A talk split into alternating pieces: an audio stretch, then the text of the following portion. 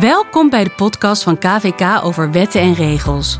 De podcast voor ondernemers. Welke veranderingen per 1 januari zijn voor jou belangrijk om te weten? In deze aflevering gaan we dieper in op de nieuwe kleine ondernemersregeling. Vandaag de gast Sylvester Schenk, directeur Fiscale Zaken, Register Belastingadviseurs. Met uw host Johannes van Bentum. Leuk dat je luistert. Ik ben Johannes van Bentum. Bij mij aan tafel zit Sylvester Schenk. Welkom, Sylvester. Zullen we maar direct starten? We gaan van kleine ondernemersregeling naar nieuwe kleine ondernemersregeling. En wat is daar dan allemaal zo nieuw aan? De nieuwe COR maakt ondernemers nerveus. Dat blijkt uit telefoontjes aan het KVK-adviesteam. Is die nervositeit eigenlijk nodig, Sylvester? Nou, nerveus zijn en uh, in paniek raken, dat is nooit goed. Behalve als de bierpomp leeg is, dat zei de toenmalige KNVB-voorzitter Jeus Sprengers. En dat is natuurlijk nog steeds waar. Maar we krijgen er inderdaad wel heel veel vragen over. En soms lijkt het alsof in het nieuwe belastingplan het nergens anders meer om gaat. Uh, de vragen zijn vaak heel erg gedetailleerd. Uh, mensen willen een concrete oplossing voor hun problemen. Uh, en het grappige is dat deze maatregel, waar nou zoveel fus over is, dat die eigenlijk al lang geleden is aangekondigd. eh, ook al is aangenomen. Maar nu pas per 1 januari 2020 eh, in werking zal gaan treden. Ja. Komt de verwarring voort uit het feit dat we van een korting naar een ontheffing gaan? Ja, dat is eh, het centrale punt van deze regeling. De huidige 2019 uh, COR-variant. Die gaat uit van een vermindering van de verschuldigde belasting. En de nieuwe systematiek die vanaf volgend jaar zal gaan gelden, die is gebaseerd op een vrijstelling van de ondernemer. Op dit moment hoeft er nog helemaal geen BTW, geen omzetbelasting betaald te worden als het per saldo te betalen bedrag aan BTW op jaarbasis maximaal 1345 euro bedraagt. Ga je er overheen, maar ga je er maar een klein beetje overheen, dan krijg je een hele ingewikkelde formule die ik je zal besparen. Maar de nieuwe KOR uh, is wat dat betreft eenvoudiger. Die krijgt de vorm van een vrijstelling. Dat betekent ook, en dat is de keerzijde van de medaille, uh, dat er geen recht bestaat op recht op uh, aftrek van voorbelasting. En dan maakt het gebruik van de nieuwe kleine ondernemersregeling niet aantrekkelijk als er in een jaar per saldo recht bestaat op aftrek op teruggave van BTW. Die, um, uh, ik, ik hoor de hele tijd een bedrag van 20.000 euro. Ja. Um, dat gaat om omzet.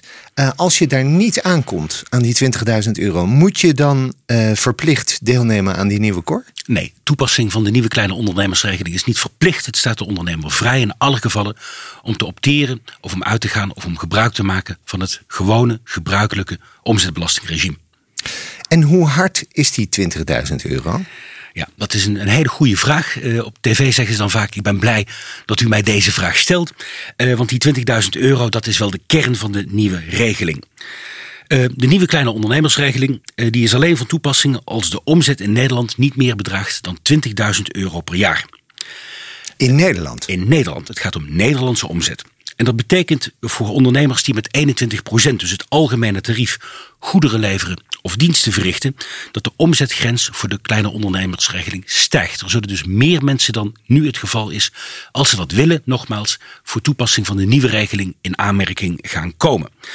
Um, op dit moment is het zo um, dat voor toepassing van de kleine ondernemersregeling um, dat bedrag gehaald wordt bij een omzet van 8.969 euro, om precies te zijn. Dus laten we zeggen een kleine 9.000 euro.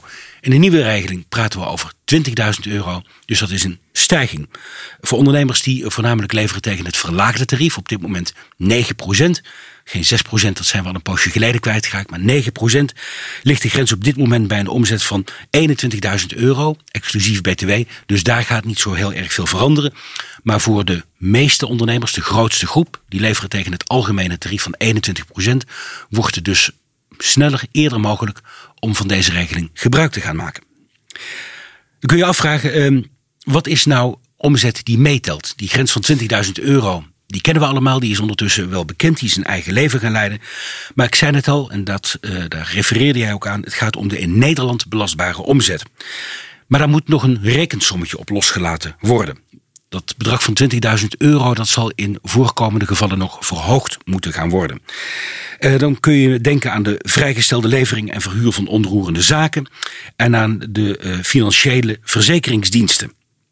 Ook de leveringen van in het eigen bedrijf gebruikte onroerende goederen, ehm, die tellen mee. Roerende investeringsgoederen, die tellen weer niet mee voor de drempel van 20.000 euro. Dus die Oké. 20.000 euro is niet in beton ge- eh, gegoten. Dat is een bedrag dat eh, het begin is van een rekenexercitie. En uiteindelijk gaat het, bedrag, gaat het om het bedrag dat onderaan de streep overblijft. Ja. Dus als je de auto van de zaak verkoopt, je desinvesteert, dan telt dat niet mee. De levering van nieuwe vervoermiddelen naar een andere lidstaat van de Europese Unie, die valt eh, buiten de nieuwe kleine ondernemersregeling. Helder. Wat gebeurt er eigenlijk als je gedurende het jaar door die grens van 20.000 euro gaat? Als je de grens van 20.000 euro overschrijdt, dan zit je in het normale regime voor de omzetbelasting. Daar is geen discussie over mogelijk. Op leveringen die daarvoor hebben plaatsgevonden, en dat geldt ook voor diensten, blijft de kleine ondernemersregeling gewoon van toepassing. Daar hoeft dus niet op teruggekomen te worden. Maar vanaf en met de levering of dienst waar de omzetgrens mee wordt doorbroken, zit je in de omzetbelasting. Verandert er ook iets aan de boekhouding? Want eh, de Belastingdienst die zet op de site: eh, u stuurt geen BTW-facturen meer. U hoeft voor de BTW zelfs helemaal geen facturen meer te versturen. Ja. Hoe zit dat? Eh, de Belastingdienst heeft gezegd: u hoeft geen facturen met BTW meer te sturen. Sterker nog, dat mag je niet eens meer doen, BTW op je factuur zetten. Precies. Want eh, we weten ondertussen allemaal, en dat blijft in het nieuwe systeem, dat als je ten onrechte BTW op je factuur zet, dan ben je die BTW toch verschuldigd. Die moet afgedragen worden, dus dat moet je niet doen. Overigens, op dat soort straf-BTW, als ik het zo mag eh, zeggen, daar is de kleine ondernemersregeling niet op van toepassing. Op ten onrechte. Ja.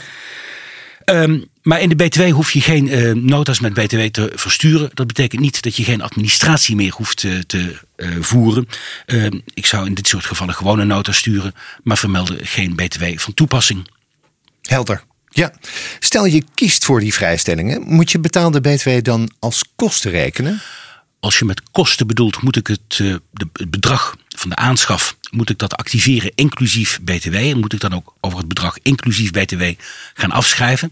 Eh, mag ik kosten inclusief BTW in, in mindering brengen op mijn resultaat? Dan is het antwoord ja. Als jij ehm, die BTW niet kwijt kunt, dan vormt dat voor jou een reële kostenpost. Dan verhoogt dat de boekwaarde van een activum. En dan is dat fiscaal uiterst relevant. Ja. Die 20.000 euro, daar zal niet iedereen eh, aankomen. Voor wie is de eh, nieuwe core eigenlijk interessant? Het is lastig om daar algemene uitspraken over te doen. Ik zou willen zeggen, de nieuwe regeling is interessant voor iedereen en voor niemand. Eh, en dat is een antwoord, daar kun je alle kanten mee op. Dat begrijp ik ook wel.